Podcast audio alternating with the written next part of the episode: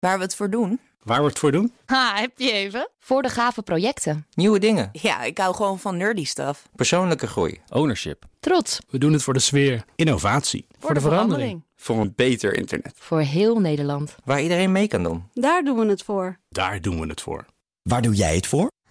Kom werken voor KPN en groei op jouw manier. Check de actuele vacatures op het gebied van data, security, development en networking op jobs.kpn.com/tech. Ik ben Carlijn Meinders. Dit is Wetenschap vanavond. Het is al lange tijd een discussie onder psychologen. Kun je nou wel of niet door het vormen van een lach op je gezicht je stemming positief beïnvloeden?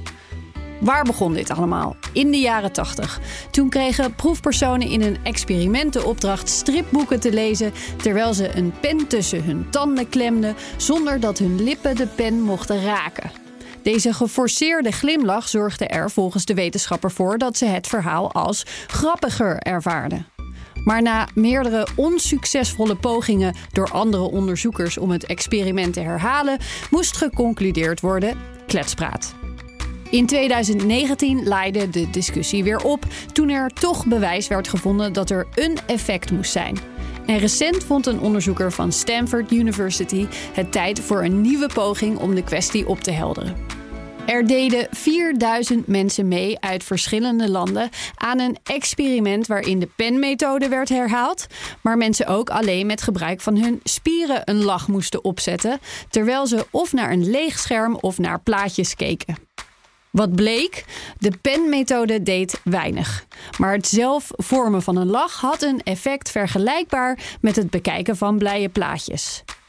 Het experiment ontvangt lof, maar ook kritische feedback over de verwachtingen van de proefpersonen.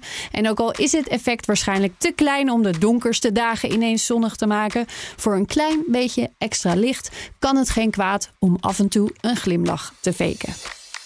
Is één minuutje wetenschap niet genoeg en wil je elke dag een wetenschapsnieuwtje?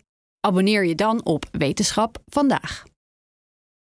Ook Bas van Werven vind je in de BNR-app. Ja, je kunt live naar mij en Iwan luisteren tijdens de ochtendspits. Je krijgt een melding van Breaking News. En niet alleen onze podcast Ochtendnieuws, maar alle BNR-podcasts vind je in de app. Download nu de gratis BNR-app en blijf scherp.